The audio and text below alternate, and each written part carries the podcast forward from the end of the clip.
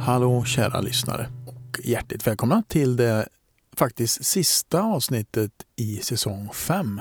Och då vill jag passa på att tacka just för att ni har lyssnat. Jag vill tacka för alla fina ord som man har skickat till mig. Tack för all swish. Tack! Tack, tack för att jag eh, har möjlighet att göra det här. Känns jättekul. Som sista gäst så har jag Figge Norling. Kanske man har full koll på vem det är. Eller så har man ingen aning.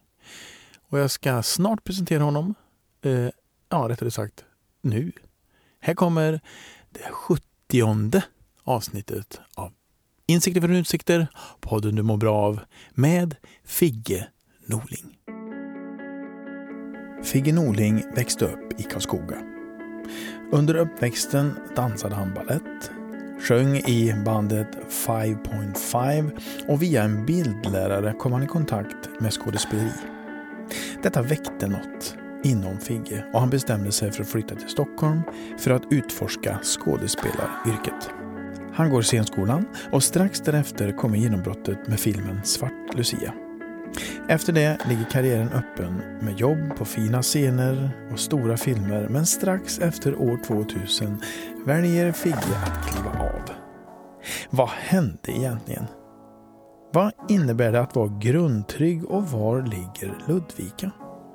Detta och mycket mer kommer här, men först saffran med coronaavstånd.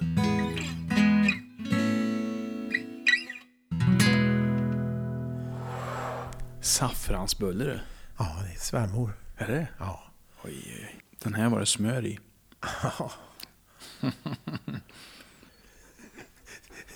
Skål! Skål, skål. Det är roligt att vi sitter så här långt ifrån Ja, jag kände också, det kanske blir tokigt. Nej, jag tycker det är roligt. Det är lite corona-safe. Det är, kor- ja, det är verkligen corona-safe. Om du nyser med full kraft så skulle jag kanske ändå klara mig. Om du är Ja, smittad. Jag tror det. Jag tror det. Då kanske jag gör det. Bara för att. Baffat. Kära lyssnare. Hjärtligt välkomna till ytterligare ett avsnitt av Insikter från Utsikter-podden som du mår bra av. Och idag så är det så här lyxigt igen. Jag blivit hembjuden till en gäst som jag är jättenyfiken på. Och han har dukat upp kaffe och saffransbulle. Alltså lyxigare, det är svårt att tänka mig det. Mitt emot sitter Figge Norling. Välkommen till min podd. Tack så mycket Malte. Vad trevligt att du ville komma och hälsa på. Ja, men som jag sa förut, det känns, eh, ja, det känns lyxigt. Att folk öppnar dörren och släpper in mig. Du, hur mår du? Går bra. Varför det? Därför att... eh, Ja, för att det är kul när det kommer hit någon. är du ensam? Hur ser dina dagar ut egentligen? Ja... Just nu är det ganska glest. Idag har jag på förmiddagen suttit i min egna lilla studio här och läst in ett kapitel i en barnbok. Som ett kanske-jobb. Det är en författare i, ja, i Sundsvallstrakten som har skrivit en barnbok som jag, hon ville testa om jag ville läsa in. Så jag provläste in Mhm. några minuter. Mm. Så det har jag gjort på morgonen Så idag. skickas det iväg på remiss. Mm. Mm. Se om hon tycker att tonen stämmer eller något. Just det. Men vi kanske skulle börja från början. Jag brukar ju ha en sån här snabb eh, faktaruta med Ja. ja, korta, korta frågor, korta svar. Mm. Mm. Eh, så vi kör på det.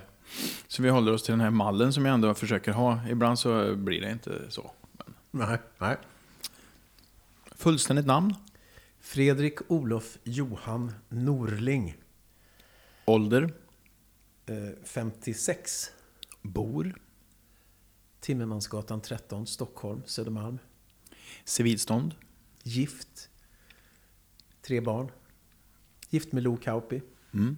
Ja, då kom familj med där också. Yrke, Skådespelare var jag ju bara först. mm. det är inte så bara. Nej då, nej men det var mitt enda jobb. Ja. Det var mitt enda yrke ganska länge. Men sen så vill jag inte, för att göra en lång historia kort, så vill jag inte vara skådespelare bara. Så jag började leta kring 2000 efter andra saker. Och sen dess har jag regisserat och skrivit och varit scenograf. Och lite allt möjligt. Mm. Och eh, ja, så att jag är många saker. Ja, vi ska eh, bena ut det där så småningom. Mm, mm. Hobby? Snickra säger jag då. Mm. Äter helst? Jag säger som min gode vän Jonas Lexell, jag tycker om mat med god smak. Ja, det var en snygg formulering. Mm. Dricker helst? nu kan man nästan ana att du, du tycker om dryck som med god smak. Ja, det gör jag. Men jag, om jag ser, om jag bara, ja, öl. Jag är väldigt förtjust i öl. Mm. Det är så oerhört gott med öl. Men då tar vi sista frågan. Favoritöl? Favoritöl? Ja, jag skulle kunna krångla till det och säga den där ölen som jag drack där, av det där märket eller så. Men jag ger ett generellt svar. Jag gillar ljus lager, Mm. inte för stark. Och då pratar vi... Ja, alltså en mellanöl. Mm. En ljus mellanöl kanske. En, den ska både vara svalkande och ha en lätt... Eh, den ska rinna ner lätt i strupen, när det blir torrt i strupen. ja. Ja.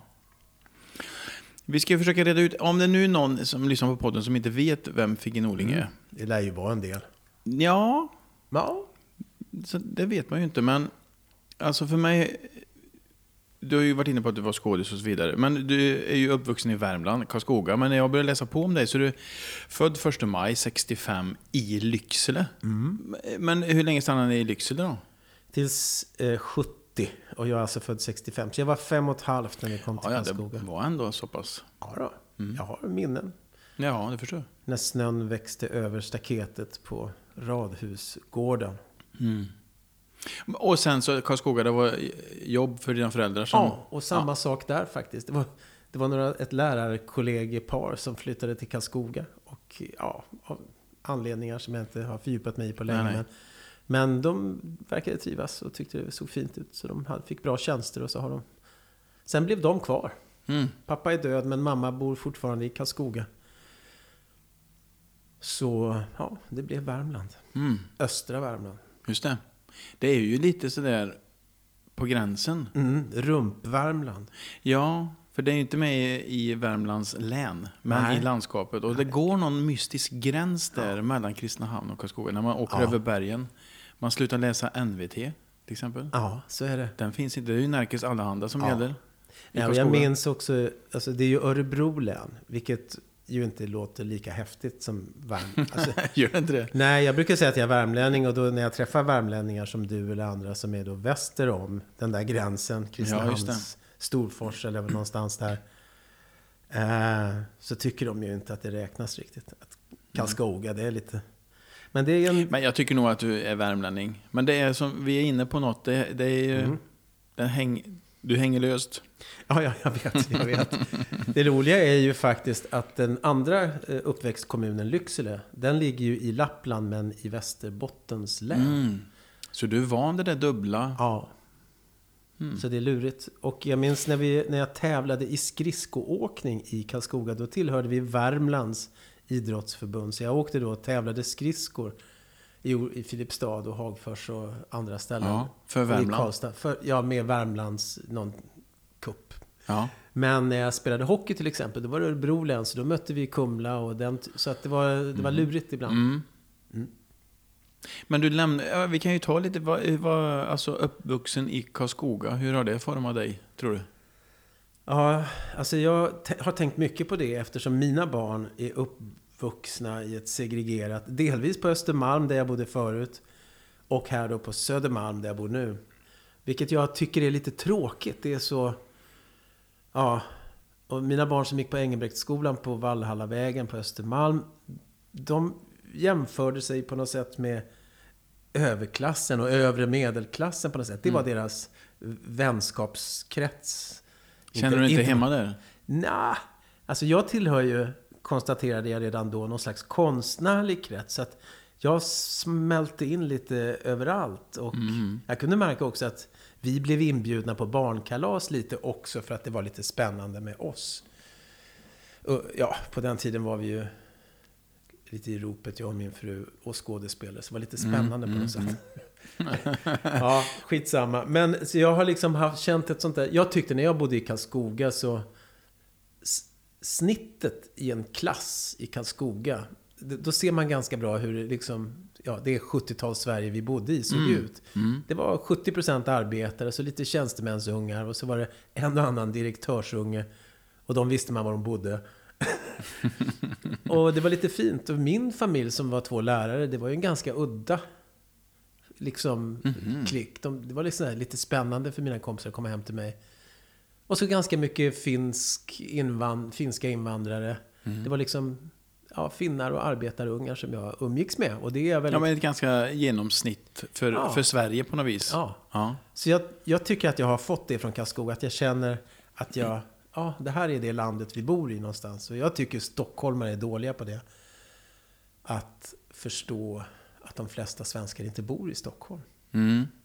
Att det, det pågår ett liv där ute. Som heter Sverige. Ja, ja.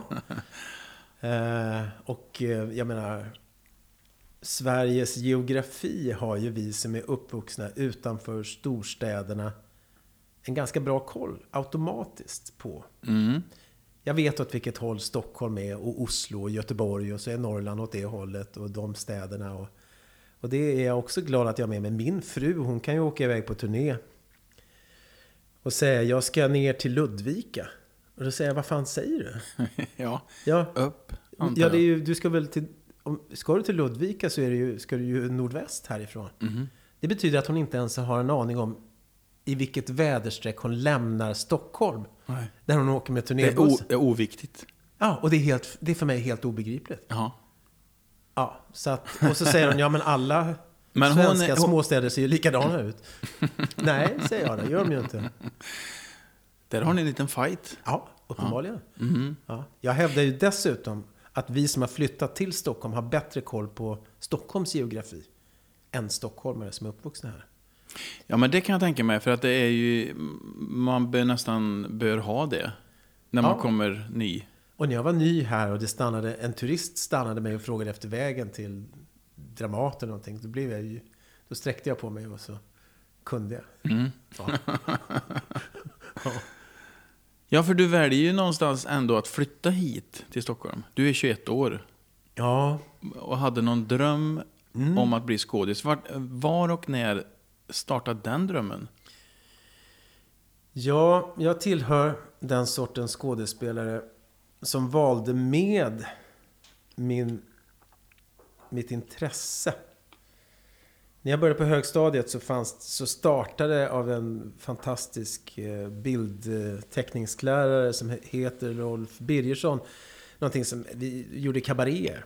Mm. Och det blev jättestort. Och för att göra en lång historia kort, Fiffiga Figges favoriter vann Västsveriges bästa skolshow på Liseberg 1980.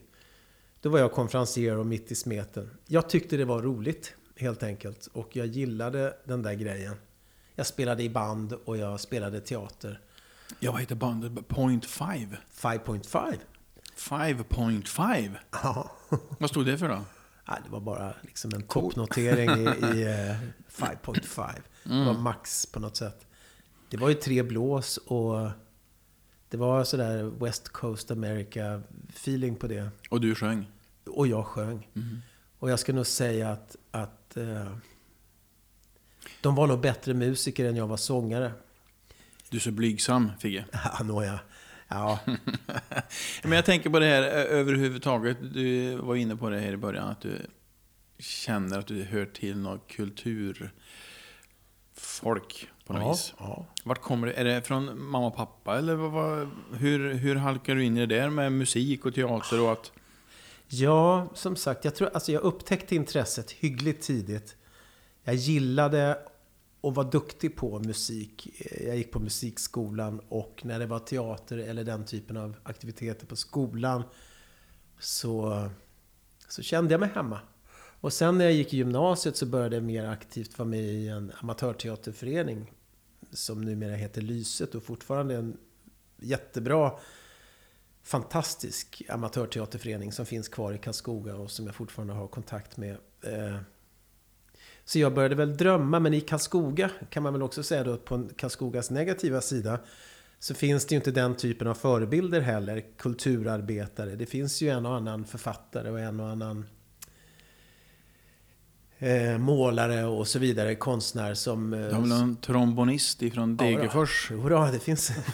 ja, och mycket musiker har ju... Och Ja, ja. Bernhard Löhr och ja, Nisse Landgren och andra eh, musiker. Och jag känner ju och träffar fortfarande här i Stockholm, eh, liksom Degerfors och Karlskoga, bördiga Mm. musik och människor. Men jag var nog den första eh, som kom in på Teaterhögskolan. Men jag flyttade ju till Stockholm egentligen innan jag började söka scenskolan. Då hade jag nog bara en dröm. Och då var det en kompis som hade flyttat hit. Ja, och vad, vad stod drömmen för? Vad, vad ville du? Ja, jag tänkte nog att jag ville pröva. Jag hade kontakt med en fri teatergrupp som hette Teater Hydra. Så att jag flyttade hit, bodde i andra hand och började hänga med dem. Och tog lite extra knäck hit och dit. Mm. Och sen Men du skulle, då tänkte du, nu ska jag bli skådis? Jag har faktiskt ett datum på det där nästan. Alltså nu kommer jag inte ihåg själva dagen, men jag minns dagen. Och då hade jag spelat en föreställning, fri teatergrupp med bland andra då Leif André och Ingela Olsson. Som då, redan då var jättehäftiga, tuffa Mm. skådespelare. Men då var de i knappt 30-årsåldern och jag var 23 kanske. 22. 22, 21. Och Teater Galeasen och Richard Wolff hängde i lokalerna och det var, ja, det var häftigt. Mm. Så när jag hade gjort den föreställningen, Elektra, och jag var uppfylld till tårna och jobbade extra som vaktmästare och allt möjligt, säljare. Så tänkte jag, från och med imorgon ska jag kalla mig för skådespelare. Oavsett. Så då betydde det att de jobb jag hade, det hade jag för att Mm. Eh, nå fram till mitt andra mål, eller mitt stora mål. Och i den planen ingick också att söka scenskolan. Och så kom jag in ganska fort. Jag sökte Göteborg och sprack och sen sökte jag Stockholm och kom in. Mm. Så det gick fort och så plötsligt så gick jag in 1988 då på en ja, på te- Teaterhögskolan här i Stockholm. Och sen dess har ju det varit mitt liv, den branschen. Mm. Men inte skådis?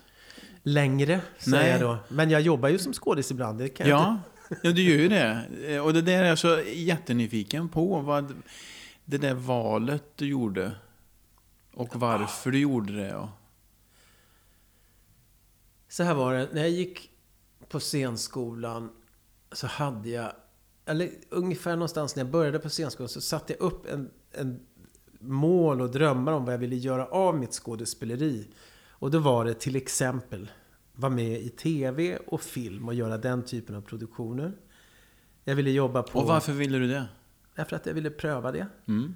Och så ville jag förstå vad det innebar att, att göra den typen av jobb och att kanske bli igenkänd och erkänd för det man gjorde. Jag ville jobba på, på konstnärliga teatrar och jag ville jobba på, på, på privatteatrar och konst, sådär, konstnärliga källarteatrar. Och sen gick det väldigt fort. Under och efter scenskolan så fick jag direkt filmroller och några år efter att jag hade gått ut så hade jag jobbat både på Riksteatern och Dramaten och så plötsligt stod jag på eh, Intimans privatteaterscen med Uffe Larsson och andra berömdheter och Mm. spelade fars. Och jag tjänade både pengar och var med i filmer och tv-serier och det var som att luften gick ur mig. Mm. Och så kände jag att För det blev ju väldigt så genombrott, om jag har tolkat det rätt, eh, med filmen Svart Lucia. Ja, och det var ju direkt året efter scenskolan. Mm. Svart Lucia blev ju, och på den tiden när det fanns en och en halv TV-kanal 2 så, och SF var den, de biografer som fanns. Mm. Så när SF släppte den här filmen då, Svart Lucia, årets ungdomssatsning eller något sånt. Det, vi gjorde ju en turné inför premiären i Sverige och presenterade och så det blev väldigt stort. Så det var från 0 till 100 verkligen. Mm. Och innan dess hade jag gjort en tv-serie på Malmö TV som hette Jasmin på flykt. Och sen, eh, ja, sen gick, och sen jobbade jag på Dramaten efter det. Och, du- blev det några Beck-filmer och så någon tv-serie till och så bla bla. Mm. Ja, du uttryckte det som att luften gick ur dig. Ja, jag hade gjort och uppnått mina drömmar och kände inte den där, det där drivet. För att stå där på scenen, oavsett vad man spelar, så kräver det ändå något av en. Mm. Även, och det där slog mig kanske, jag spelade alltså Charlies Tant, 250 föreställningar, så kom jag på att jag var tvungen att ta i för att göra det där. Jag var tvungen att vara närvarande och med fullt tryck. Trots att jag egentligen inte tyckte att föreställningen var min smak och att jag tyckte att roll, rollen var grund. Och, och det, Du är lite jag, jag pretentiös va? Va? Du är lite pretentiös. Ja, kanske. Ja, varför inte? Mm. Och så fort jag försökte fördjupa rollen eller psykologisera så var det i det här fallet en björntjänst. Då försvann skratten och det som rollens funktion representerade och så vidare. Och då tänkte jag, det här pallar jag inte. Visserligen bra betalt var det ju och det var väl det som gjorde att... Och jag höll på att få mitt andra barn så att det var inte så dumt. Ur det, det perspektivet. Och samtidigt hade jag då en, min dåvarande fru Tova. Hon hon vänd, slog knut på sig själv för att göra saker och vara... Och hon var liksom i ett startläge i, sitt, i sin karriär. Eller ville gasa på ett annat sätt. Och då kände jag naturligt att tacka nej till ett... ett framförallt ett stort riksteaterjobb. Så nej, nu är jag hemma och tar hand om barnen, tänkte jag. Mm. Och sen så ska jag omvärdera mitt yrkesliv, tänkte jag. Och ja, sen dess har jag nog gjort det. Mm. Men fanns det någon besvikelse i den känslan när du kände att eh, luften går ur dig? Och... Ja, alltså jag skulle säga så här. Det är för enkelt att säga att det bara var mitt val att säga nej till ett par jobb. Det var också i kombination med det som hände, alltså att telefonen slutade ringa efter några års ständigt ringande. Mm. Så det är klart att taskig själv, det, ja, självförtroendet fick sig nog en törn. Men som jag brukar säga, jag tror, jag, jag tycker att jag är den mest onevrotiska skådespelare jag känner. Eh, Hur många känner du? jag skulle nog kunna räkna upp hundra. Som är lite mer neurotiskt lagda? Ja, och eh, eh, jag tycker nog att neuroser inte är så pjåkigt. jag gillar personer med neuroser och jag är... Eh, ja, nej, så det, alltså jag, det, men jag har inte den där... Hade inte längre, ska jag säga. Den där glöden. Och många av mina allra bästa vänner, Kalle Westerdahl till exempel, han har en... Alltså hans vilja att berätta och stå på scenen, den, den är avgörande. Mm. Och jag menar, och hans... Som vi alla har tillkortakommanden och sådär. Den, alltså han övervinner det tack vare sin, sin glöd av att stå där och göra det igen och igen och igen. Och den glöden, den har inte jag. Mm. Och har inte haft sen jag då var cirka 25 skulle jag säga. Det är ganska tidigt också att tappa. Ja, För jag som ändå har gillat dig från eh, dag ett jag lärde känna dig utan att vi kände varandra. Jag såg ju på Svart Lucia och sådär. Jag har funderat jättemycket på vad som hände. Om det var självkänsla, slutade det ringa som du säger. Eh, för man har ju ändå hört din röst på reklamfilmer och så, så tänker man, är det det han vill? mm. Eller blev det så? Eh, blev pressen för hård? Men nu har du ju gett lite mer kött på benen känner jag. ja. Nej, pressen blev inte för hård. Alltså pressen blev möjligtvis hård under en period när jag inte kände mig så attraktiv. Eh, det vill säga telefonen slutade ringa. Men jag var inte så kantad eller nedslagen av det. Utan jag... Några, något år, efter något år där i det här ingenmanslandet och jag hade fantastisk tid och jag var småbarnsförälder och pappaledig bland annat. Och jag gjorde ju små jobb hit och dit. Eh, uppenbarligen. Sen så fick jag ju då ett regi erbjudande i Hälsingland, i Mellanfjärden, sommarteater. Och då regisserade jag min första större föreställning med professionella skådespelare. Och då fick jag någon slags boost och tänkte att den här delen av teateryrket i varje fall gillar jag. Mm. Och då kände jag att det var jätteskönt att inte stå på scenen och det var jätteskönt att ha ett helhets eh, konstnärsansvar. Och... Eh, så det är nog, om jag bara fick välja ett yrke av de jag prövat. Så blir det nog det. Att regissera teater tror jag. Mm.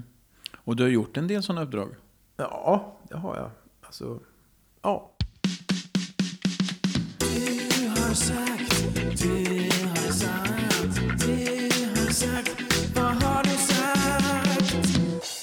Vad var det du sa?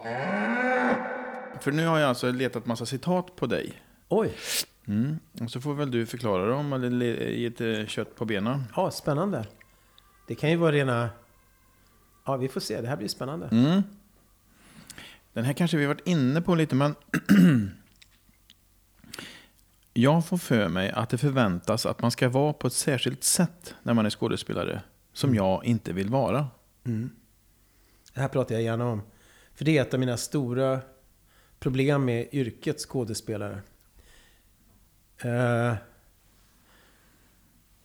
alltså rollen som skådespelare privat tycker jag är besvärlig. Alltså när jag väl är på scenen eller repeterar eller i en tv eller radiosituation och är skådespelare och utövar mitt yrke, då är jag bekväm. Men däremellan så förväntas man vara på ett visst sätt som skådespelare. Och det finns vissa som har det där naturligt i sig. Vad är det för sätt vi pratar om? Eller du pratar om? Ja. Jag sitter här nere på en restaurang som heter Folkbaren på Hornsgatan runt hörnet i mitt stamlokus. En del skådespelare går dit också. Men när de kommer in i lokalen så blir jag nervös. Skådespelare i grupp. som eh, jag tycker att... Ja, men de tar för givet att folk tycker att det är intressant att lyssna på dem. Nu är jag lite generaliserande här. Är det sådana människor som alltid pratar som om de fick betalt? Ja, nästan. Högt och tydligt. Ja, och... Eh, jag ska inte säga att jag duckade. Alltså jag var ju till exempel med i Let's Dance 2011 och då blev det ett jävla ståhej igen. Alltså så tillvida att folk känner igen en och så. Och då... Jag ska inte säga att jag duckar eller skruvar på mig eller gömmer mig. Men jag känner ändå att jag så snabbt som möjligt letar upp ett vanligt samtalsämne. Mm. Det vill säga, vad kostar osten? Eller eh, står du i kö här eller där? Och sen så tycker jag det är mycket skönare att bara vara liksom så. Istället för att prata om mitt jobb. Eller Mm. så. Ja, för Och- det måste ha hänt mycket för dig, an- tänker jag i varje fall. Att när man är på kalas och fester och sånt. Mm. Så blir det nästan lite intervjukänsla. Att folk är intresserade av dig och vill fråga. Och då handlar det mycket om skådespeleri. Och, och det är inte du så bekväm i. Är det, har Nej, jag jag, det tycker, jag tycker inte att det är så intressant. Nej. Jag tycker inte, alltså, ja, om jag sitter i ett samtal och pratar om liksom skådespelarkonsten, då kan jag ju fullständigt, jag har jobbat som dramalärare ganska mycket. Alltså det intresserar mig ju. Mm. Men däremot så tycker jag ju att det är något annat när jag är ledig. jag tycker att, och sen tycker jag också det här med att åldras som skådespelare. Det krävs någonting, alltså en, ett fix, en fixering vid, vid jaget. Som jag inte riktigt, ja, det är inte riktigt jag helt enkelt. Mm. Eh, man måste ha lite vilja. Visa upp sig, vilja. Ja, mm, Mm. det är svårt att... Alltså långt ifrån alla skådespelare är ju sådana privat. Och, eh, men ja, mm, Mm. Jag ska ändå boll- bollas upp massa energi någonstans. ja. Och där är inte du, om jag förstår det rätt. Nej, och det är ett lyxjobb ur det perspektivet också. Att man, man får applåder när jobbet är klart på kvällen. Det är liksom... Men... Ja, det finns något. Ja, det- den där vardagsskådespeleri-rollen och... eh, Här kommer jag och det, det är normalt att ta emot applåder varje kväll. Vet, jag tycker inte att det är det. Jag tycker att det är ett riktigt lyx... Alltså jag tycker att det är ett sånt fint, nästan ädelt om jag ska säga så då. Att få berätta en historia och underhålla eller berätta en viktig historia eller få människor på andra tankar eller flykt eller vad det nu kan vara. Det är fint tycker jag. Men, ja. Och sen tycker jag inte att jag är så jäkla märkvärdig. Jag tycker att jag är rätt vanlig. Jag tycker att... Ja. Ja, vi behöver inte prata om det. Jag tycker också när du frågar mig om du, jag vill vara med i podden. Så tänker jag så här, ja, jag gillar dig. Så tänker jag så här, men egentligen så ska jag sitta här och prata om mig själv. Så tycker jag att, jo, ja. Men nu har vi ändå suttit här en tid och pratat. Ja, Nu är, nu är det ju sådär igen. Men det... men det, du får skylla på mig där, för jag är väldigt nyfiken på dig. Ja, Det, det, behöver- det behöver inte vara att du ska berätta om dig själv för din egen skull, utan du får göra det här för min skull. Mm, jag gör det också. Ja, Nej, men jag tycker att det är roligt och jag... Eh, ja, jag... ja. Min fru har ju till exempel skrivit eh, självbiografiska-ish böcker. Och för mig är det på ett sätt... Nu har ju hon en historia som är sedelärande och en uppväxt som kan, eh, andra människor kan eh, spegla sig i och i bästa fall göra annorlunda för det var tufft. Och hon gjorde någonting åt saken, bla bla.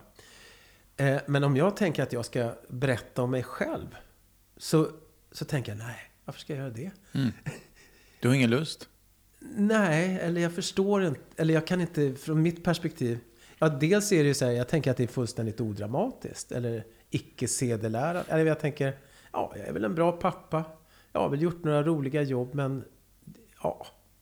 Och skådespelare sitter i... Ja, journalister ber skådespelare prata om allt möjligt och de blir liksom som någon slags experter och åsiktsmaskiner. Och jag blir alltid lika nervös när jag ser en skådespelare på TV. Jag har ju suttit i paneler, herregud. Men jag försöker undvika att låtsas att jag är expert på något. Mm. Eh, Du är expert på dig själv i varje fall, tänker jag. Eh, om vi nu fortsätter med de här citaten så känns det som att Ja, jag, hits me, jag, är på, jag är på rätt ställe. ja, ja, Jag är lat. ja. Jag är väldigt lat. Ja. Ser du det som en, en bra egenskap eller som en dålig egenskap? Ja, jag tror att de flesta människor är lata. I grunden. Det som ligger som är emot mig och min lathet, det är att jag också har ganska låga drivkrafter. Det vill säga, jag längtar Du säger det med ett leende. Ja, alltså jag strävar inte uppåt framåt så mycket längre. Eller sen, ja, Sen 25 års ålder. ja näst, nästan faktiskt. Fast det är ännu mer så nu när jag då har passerat 50 och 55 och nu är jag 56. Ja, herregud. Alltså det känns som att jag är på väg nedförsbacke. Vilket gör det lite problematiskt. Jag måste ju fortfarande tjäna pengar till exempel. Men jag hamnar väldigt lätt i någon slags... Om jag ska vara sträng så kan jag säga att jag hamnar nästan i fosterställning. Eh, barnet går till skolan, min fru är på något viktigt uppdrag. Och, sen kvar så- sitter du. Oh, så blir det bara tyst. Och så fastnar jag i någon, ja, här borta i soffhörnet eller... Jag kan, ja. Vad tänker Och, du då? och då är det negativt, tänker jag. För då kan jag ju, alltså då blir jag ju till slut deprimerad. Och sen måste jag skaka loss mig själv för att komma upp på benen igen. Men, eh, har, du, eh, har du de egenskaperna att bli deprimerad? Ett rungande ja på den frågan. Jaha. Ja, jag eh, har varit deprimerad i perioder av mitt liv. Även fått någon diagnos nu och då. Och både tagit terapeutisk och medicinsk hjälp för att kravla mig ur de där tillstånden. Prokrastinerar, urexempel. Mm, mm.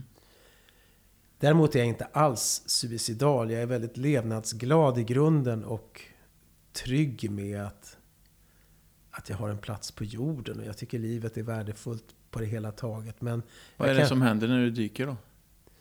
Vad- ja, jag kan inte se riktigt vad jag ska ta vägen och vad jag ska göra och varför. Alltså, mina barn är alltid som en fender mot den hårda kajen. Det vill säga, det är alltid viktigt och det drabbar aldrig dem. Så att jag är ju där med näsan betryggande ovanför vattenytan. Men jag kan nog tycka att min egen betydelse blir liten. Och det kan jag nog tycka även när jag inte är deprimerad. Jag kan tycka att det är... Sen är, blir jag ju glad när folk vill ha mig med på jobb. Men till exempel så gjorde jag tio filmdagar på Utbildningsradion, en barn-tv-serie nyligen. Alltså här i höstas, för några veckor sedan. Och det är fantastiska människor på varenda post på det här jobbet. Och det är jätteroligt att vara där och arbeta. Men jag känner inte att jag... Ah, Förstår du? Jag tycker inte att det är så Mm. märkvärdigt. Jag tycker inte... Det blir ingen kick. Det, det blir ingen riktig kick faktiskt. Nej.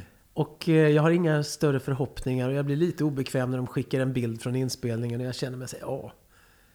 Ser de inte igenom det där eller? Jag menar, jag är ändå ambitiös, kommer dit och kan mitt och jobbar professionellt antar jag. Ja, men jag är omtyckt på jobbet. Ja, det förvånar mig inte. Nej, så, men, eh, men jag känner liksom... Mm. Och det där är väl min... Ja, det, det är det jag tampas med. Jag har, jag har ytterligare ett svar sen på, på latheten som, jag, som vi kan ta sen. Ja. Ja, men, Nej, men jag tänker på, eh, du beskriver det nästan som eh, en drivkraft som är rätt så låg. ja, Men när du var 21 och drog till Stockholm Mm. så var den ganska hög. ja. Och då kan man fundera på vad var det som hände som, när allting vände? Att drivkraften bara försvann?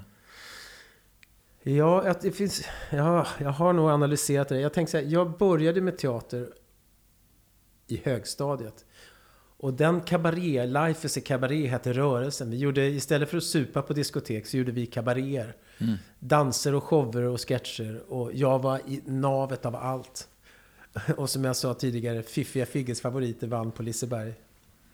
Västsveriges bästa skolshow. Jag var verkligen i mitt esse. Och nöjd med centrum. Att vara i Och centrum. den är lite motsägelsefull nu då, för Ja. du vill ju inte vara i centrum. Nej. Du Så- vill ju knappt vara med i den här podden. Ja, nej. Och jag menar, men den gasen. Jag ska inte säga att det var som att jag var, fick smaka på. Och sen i Karlskoga och sen så efter scenskolan då, alltså mina unga 20. Så fick jag ju både tv och film och stora jobb och var i ropet. Så på något sätt så gick luften ur. Mm. Och och så tycker jag ju att branschen är knepig. Det kräver ju ganska mycket av, alltså, för att in... Man ska, förutom att vara begåvad och göra jobben bra, så måste man också finnas med och svara rappt på frågor när journalisten kommer kanske. Eh, man måste ringa till producenter och ännu mer nu än förr. Det vill säga, nu finns det många tv-kanaler och casting directors och det är produktionsbolag och det är tv-kanaler och till höger och vänster och plattformar som man... Så för att liksom få de här jobben så måste man förutom att göra sitt jobb och så behöver man en agent som håller ordning på en och ser till att man finns med i alla. Och det där, för mig känns det så här, men jag, vill, jag vill inte vara med. Jag vill inte ringa en producent och säga åh till hösten så, så är jag tillgänglig. Ja, då är jag ledig. Alltså, Men andra trivs i den eh, liksom, rollen. Ja, fast... Ja, men det? vissa har det mer naturligt. Och man Ja, kan en säga del så. orkar och eh, liksom hitta någon lust i det. Men jag, Ja. jag tror också som du beskriver det, det är ju många som... Det, är det är ingen kul situation. Att Nej. behöva, hej hej här är jag, hej hej här är jag, hej hej här är jag. Mhm. Nej. Så det gör jag inte och har aldrig gjort. Och när det gick av sig självt, där efter scenskolan och fram till kanske år 2000 ungefär. Så, så behövde jag inte fundera så mycket på det. Men nu, nu har jag liksom, jag är frilanskung skulle jag säga. Jag har många fina och bra kontakter i massa olika branscher. Och jag har, kan jobba som lärare, jag kan göra röster på tecknad film eller reklamröster eller läsa in en bok eller eh, vara med på Teater Brunnsgatan 4s eh, styrelse eller, som jag har gjort i många år eller vara med på en kvällsshow med gästartist. Alltså förstår jag, Mm. och skulle, det, skulle jag veta att det är helt stopp i om ett par månader så, så ringer jag några av de här studiorna eller bekanta jag har och säger Tja, Har ni något? ska vi göra något? Eller, Mm. Och det är mycket lättare för mig, för det är liksom i en mindre och, och närmare skala. Och ja, det tråkiga med det är väl att jag egentligen inte utmanar mig själv riktigt. Och det är nog det som är i den andra vågskålen. Att det är klart att jag skulle vilja tänja på mitt konstnärskap, om jag ska vara ambitiös. Mm. Du hade något mer sa du om latheten? Ja, lathet. Jo. Latheten är också positiv. Jag har metodiserat min lathet. Jag har liksom hittat en metod för att till exempel lära mig text. Som bygger på lathet. Åh, Jag har liksom, jag behöver nästan aldrig läsa manus. Lo är fruktansvärt avundsjuk på mig. Men hur gör du? Jag ser sidan framför mig och har fullständig tillit till nuet när vi börjar repetera. Jag läser manuset från A till Ö ett par gånger, knappt, innan repetitionerna börjar. Säger jag som en generalisering. Och sen, Latar du dig? sen latar jag mig och litar på närvaron och sen så, när, så trillar sakerna på plats. På något sätt. Och jag kan se bokstaven S på sidan 7 längst ner och veta vad som händer i början på sidan 8. Och det där... Ja. Det där var en häftig egenskap. Mm. Och det har jag liksom... Ja. någon slags bildminne ju. Ja. Mm. Och sen har jag som bästa gren som skådespelare prima vista. Jag har väldigt lätt för att förstå. Så när jag läser en text första gången så har jag det oftast ganska klart för mig. Det vill säga, så var det i skolan också. Om vi läste historia så, någonting, så var det liksom ett skeende i, säg renässansen, vad fan som helst. Då fattade jag alltid Vad det handlar om. vad det handlar om och huvuddragen så att säga. Förstod. Ja, ja. Vilket gjorde det oerhört ointressant att fortsätta läsa, för jag hade redan fattat. Mm. Sen var jag lat. Och sen sket jag i renässansen och då blev det hyggligt dåligt på provet, men jag klarade mig. Men om jag då ska jobba så har jag fattat det från första början och sen så repeterar vi ju oftast i flera veckor. Mm. Då hinner jag liksom få kött på benen på vägen. Just det. Ja. Men jag minns och tänker ofta, så, jag känner ju Lo då, som också jobbar med det här. Alltså hon måste kriga med texten. Och hon måste ha den i, ett, i, i huvudet i hörlurar, gå och vandra med den, Mm. göra olika metoder för att liksom... Medan jag inte gör det.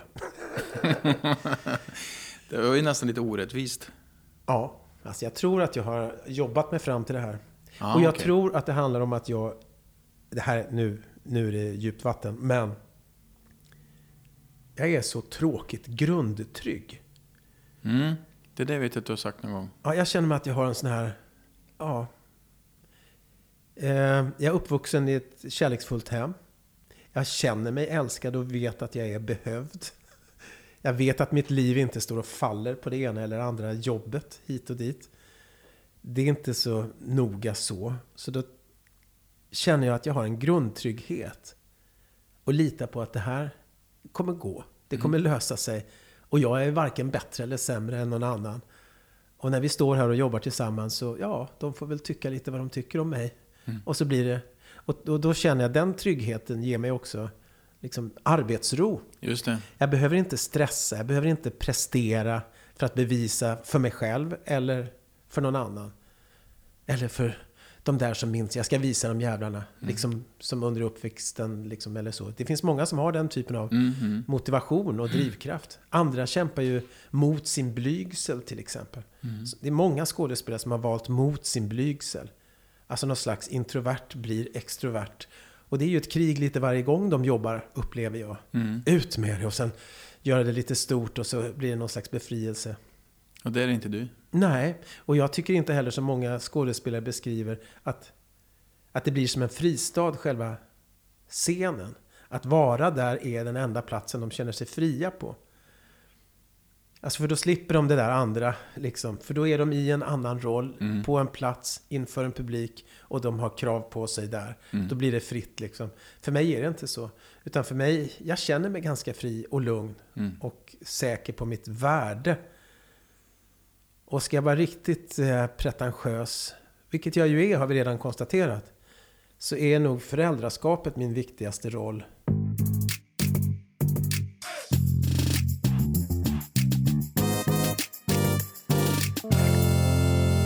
Sponsorsnack. Det finns köpcenter och så finns det köpcenter. Och så finns det Bergvik. Alltså Bergviks köpcenter. Bästa Bergvik. Jag gillar det stället, för där finns nämligen allt mellan himmel och jord. Allt ifrån galaklänning till grillkorv. Och mellan sådana ytterligheter vill man ju leva. Och det är möjligt på Bergvik. Att leva alltså, trots corona. För där finns stora ytor och vidtagna åtgärder så man kan vara lugn och trygg när man handlar på Bergvik. Så håll i och håll ut. Åk dit och håll avstånd. Handla tryggt och säkert så vi alla får möjlighet att befinna oss mellan himmel och jord på bästa Bergvik.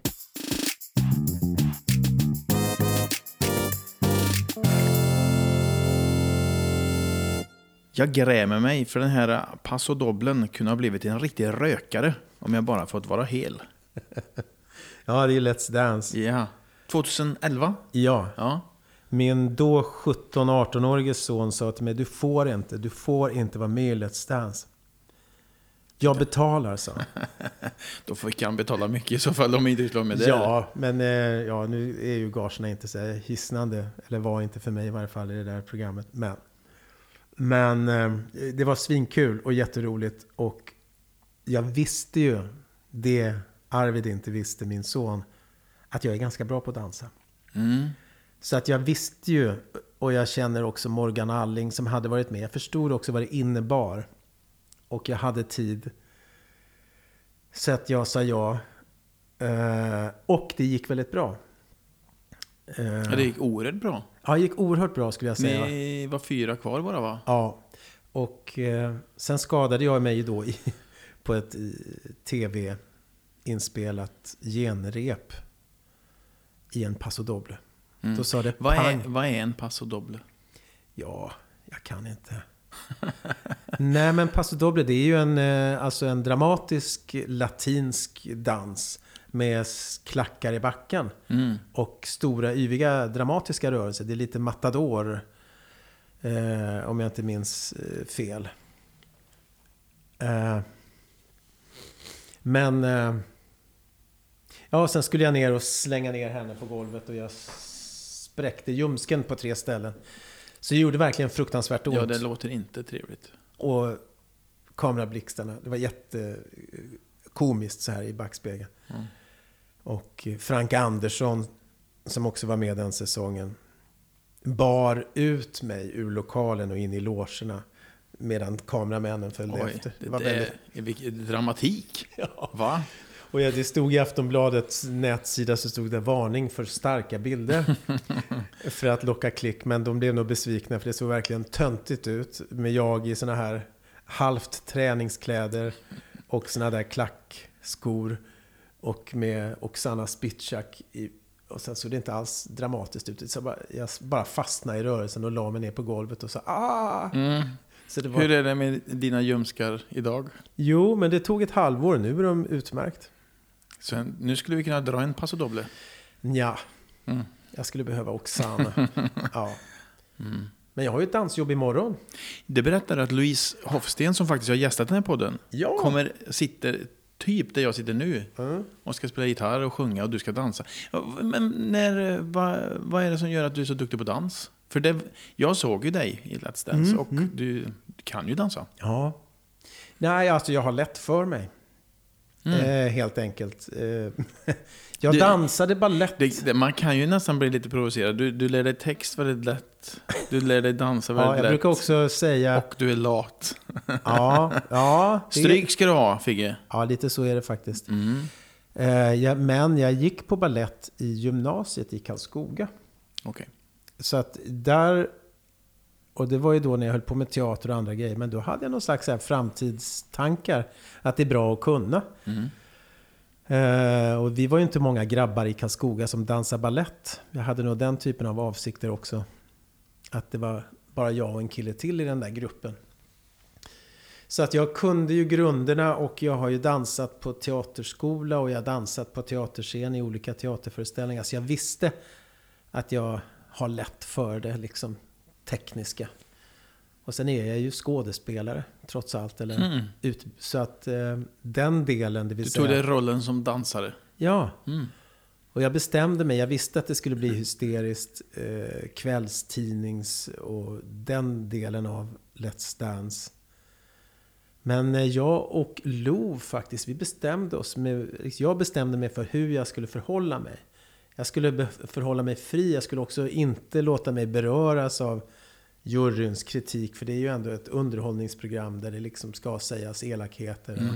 vad säger? Så att jag kände mig, jag svävade över det där på ett väldigt befriande sätt. Och till skillnad från förra gången jag hade varit i ropet som till exempel Svart Lucia eller Radioskugga på 90-talet. När jag var yngre så kände jag mig ibland liksom träffad av pressen och folks åsikter. Hade du inte samma grundtrygghet då? Som, Jag, om, nej, jag hade nog samma grundtrygghet fast yngre mm, och mer oförberedd. just det. Så här då, tio år efter i Let's Dance så kändes det, jag kände mig fri. Jag kunde också prata väldigt fritt med kvällspress och med inför kamera. Jag kände mig, jag kände mig ganska fri. Mm. Och jag drog jättemycket, jag lärde mig massor och den här Oksana som jag fortfarande är kompis med, som jag dansade med, en fantastisk samarbete. Jag lärde mig också att en vals på två och en halv minuter i tv, det, det kan verkligen beröra människor i liksom smörigaste underhållningsgenren liksom. Mm. Ja, men gör man det på allvar och gör det bra så kan det liksom gå rätt in i hjärtat på folk. Och, ja, men jag vet inte, jag har fått så mycket, jag fick så mycket, jag fick så mycket input och hälsningar från människor som, som har gråtit framför tvn och tyckt att det är fantastiskt. Och, och det där var, det var nytt. Mm. Och då tyckte jag ju att det var ju liksom, det är klart att vi tränade och repade men ibland hann vi inte. Nej. Det gick bra ändå. Ja, det gick bra. Tills ljumskarna sprack. Jag är som en tanker på Suezkanalen. Ja, det där har jag sagt eh, i förhållande till min fru, Lo Kauppi. Om man förenklar lite så kan man säga att hon har haft en eh, mer dramatisk uppväxt än jag. Och lite det där vi pratar om att jag har någon slags grundtrygghet. Eh, där hon är uppvuxen i en... Ja, hennes pappa söp och eh, han är död. eh, Och jag har aldrig träffat honom. Men det var ju, det var ju ofta väldigt stökigt hemma hos dem. Eller stökigt var det väl inte, men han... Det var otryggt och hon... Jag brukar säga så här.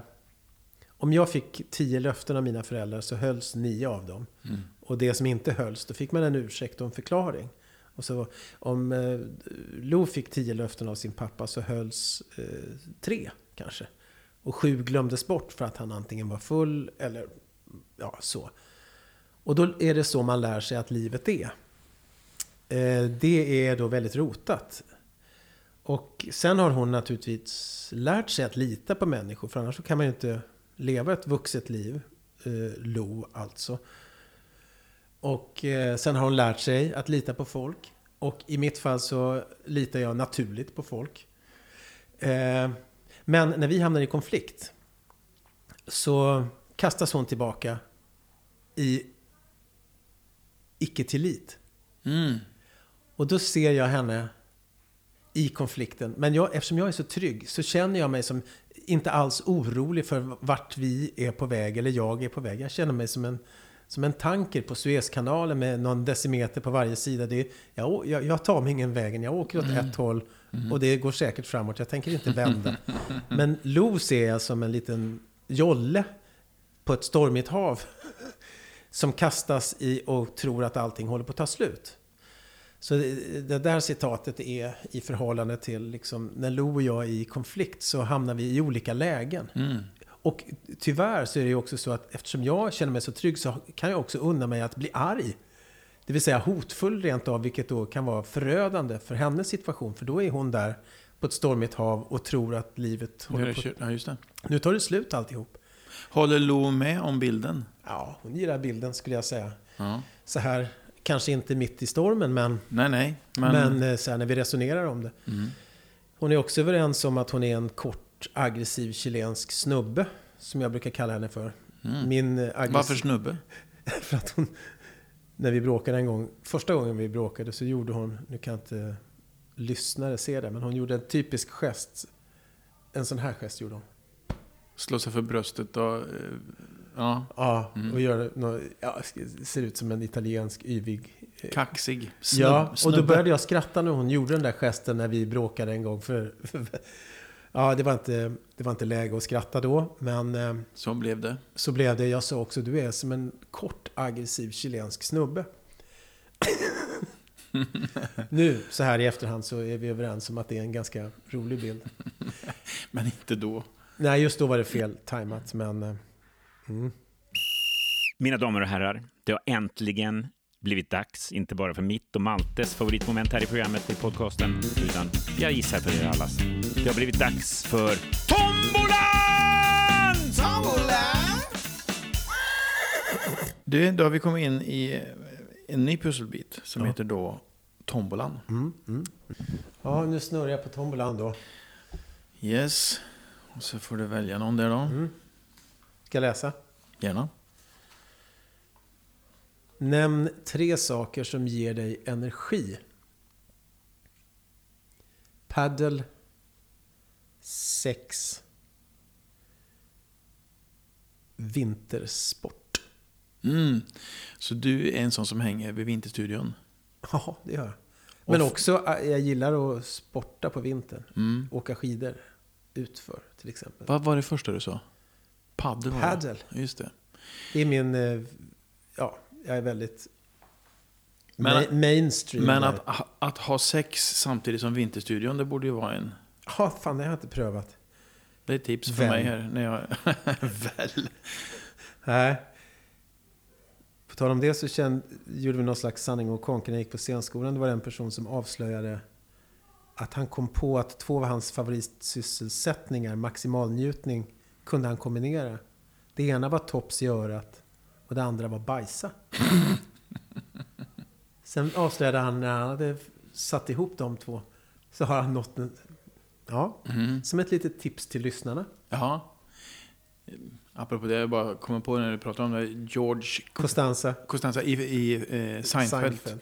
Han hade ju det som du också har, sex. Ja. Eh, sen också mat, gärna smörgås och tv-sport. Så jag vet att i en scen så kombinerar han alla de här tre. Han ligger med någon tjej i köket samtidigt som han äter en smörgås och tvn går på med tv-sport.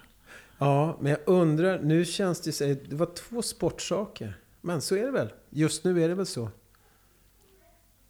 Ja. Ja, beroende på vad jag har varit i livet har jag nog svarat annorlunda. Mm, Mm. mm, jag förstår. Vi tar nästa. Vad blir du stressad av? Ja, jag blir ju... Jag är svårstressad faktiskt. Mm. Jag blir stressad av till exempel saker som jag inte kan göra någonting åt. Vi har ett ställe i Värmland och vi har ett ställe i Hälsingland. Och en sak som stressar mig nu till exempel är att flotten som vi har i Hälsingland ligger i vattnet, det vill säga i isen nu. Mm. Den borde roddas med och jag borde ringa de där samtalen, helst åka upp och se till att få upp den. Och motorn kan ju faktiskt förstöras. Ja, den är på. Den är på och ner i. Så att eh, i värsta fall så har den frusit vattnet som ju är i. Ja, skitsamma. Det där stressar mig. Ja, jag förstår. Mm. Du har ju torp, sa du ja. Mhm. Kaninbur har du byggt, har jag för mig att jag läst. Mm.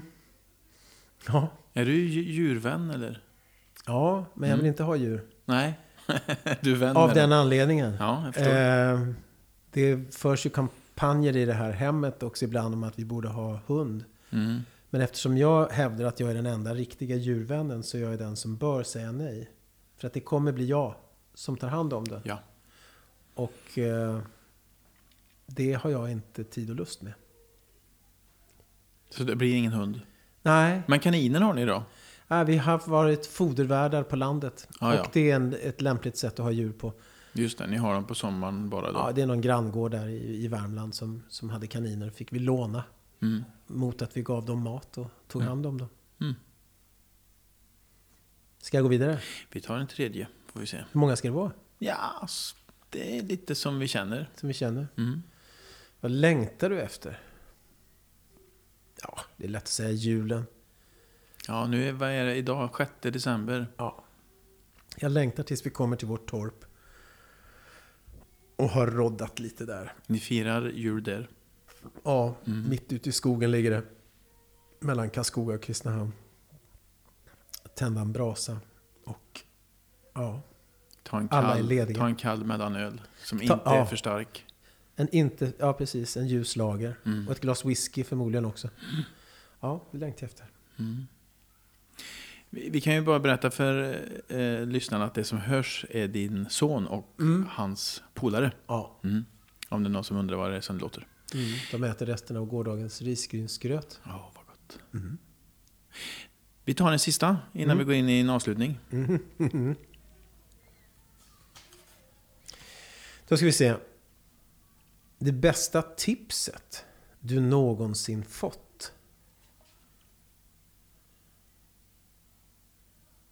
Ja, men då säger jag...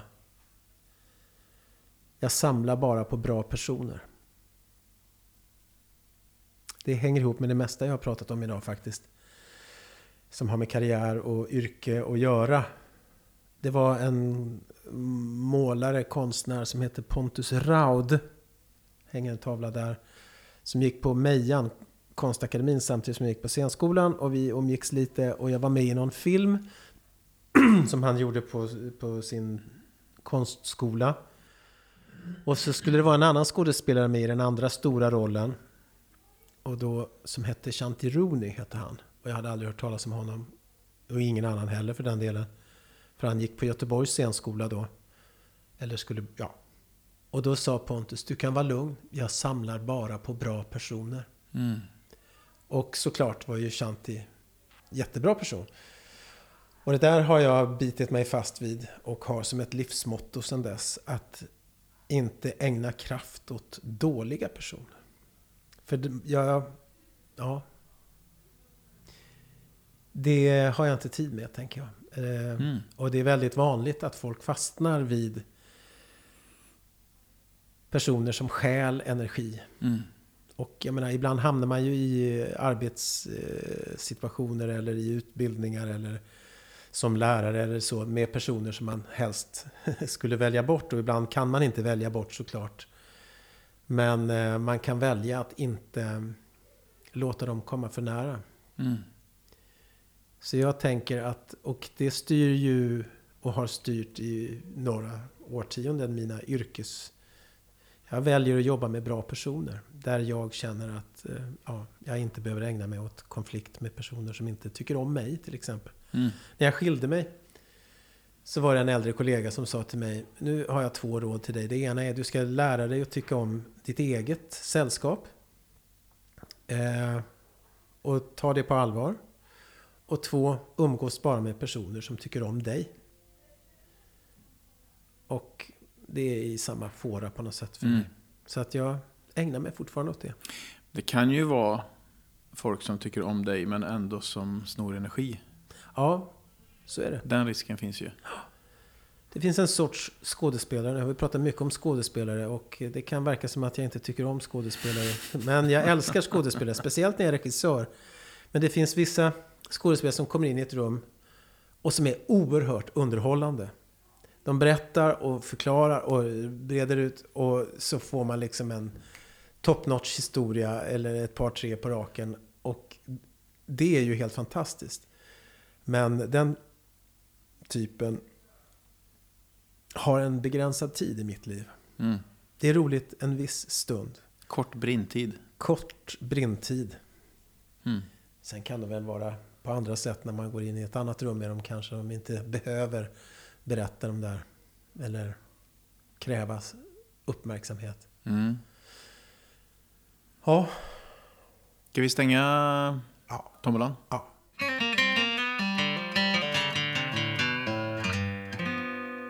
Avslutningsvis. Mm. Vi har varit inne på det. Du hade väldigt energi, 21-åring. Du, du skulle till Mm. Stockholm, du skulle bli skådis. Eh, du hade ett uttryck här under tiden vi pratade att du är liksom 56. Du upplever att du är en nedförsbacke som du sa. Mm. Och då blir jag nyfiken, vart leder den där nedförsbacken? Vart är du på väg? Jag är på väg mot ett lugnare liv, tänker jag. Och det har väl varit ganska länge. Jag tänker när man är 25, när jag var 25, så letade jag efter vad jag skulle sätta mitt nästa grepp i någon slags klättring uppåt, framåt. Erövra nya erfarenheten, yrkeserfarenheter. Och på den tiden var det också så här, ja vad blir det av den här relationen jag hade? Och liksom, ska vi ja, ska vi skaffa barn? Ska vi göra det? Liksom, man, man, jag var på väg. Och sen fick jag ju också barn. Och sen så har det liksom, jag har liksom... Men sen upptäckte jag någonstans vid 50 att nu börjar det plana ut. Jag längtar inte eller efter nya erfarenheter på det sättet. Eller erövringar eller positioneringar. Eh, och då hörde jag talas om en kinesisk filosofi. Så när jag fyllde 50 så höll jag ett tal som var ungefär så här, om man förkortar. Att i Kina, enligt den här traditionen i varje fall, så, så om någon som är alldeles för ung dör och det är begravning så lever man ut sorgen till max. För då har liksom livet, eh, den har inte hunnit leva och ta de där, är, göra de där erövringarna och klätt, liksom. Men eh, om en riktigt gammal människa dör, då blir, då blir det mer och mer fest. Och ju äldre en människa har blivit så, är, så festar de och firar att den här människan fick vara med så länge. Mm. Och då tänkte jag när jag fyllde 50 för sex år sedan alltså att ja, men nu är det den där gränsen, nu börjar jag tippa över mot fest om jag skulle dö. Det är naturligtvis för tidigt. Och fortfarande är det ju för tidigt. Det är klart att jag skulle unna mina nära att vara lite ledsna om jag dör. Det är inte så. Men jag skulle nog uppmana till fest. Så det var det mitt tal gick ut på. Att ja, men jo, det är klart att det är för tidigt. Men jag har ändå fått göra ett yrke. Jag har tre friska barn som, som tycker om mig. Som jag gillar att hänga med. Jag har haft två friska relationer i mitt vuxna liv och jag har haft bra relationer. Alltså jag menar, det blev mycket och det blev bra. Eh, så fira det istället om jag skulle trilla av pinn. så att jag tänker att det blir mer och mer fest nu ju, ju äldre jag blir på min begravning. Så vi är på väg mot fest. Ja, det ska jag säga.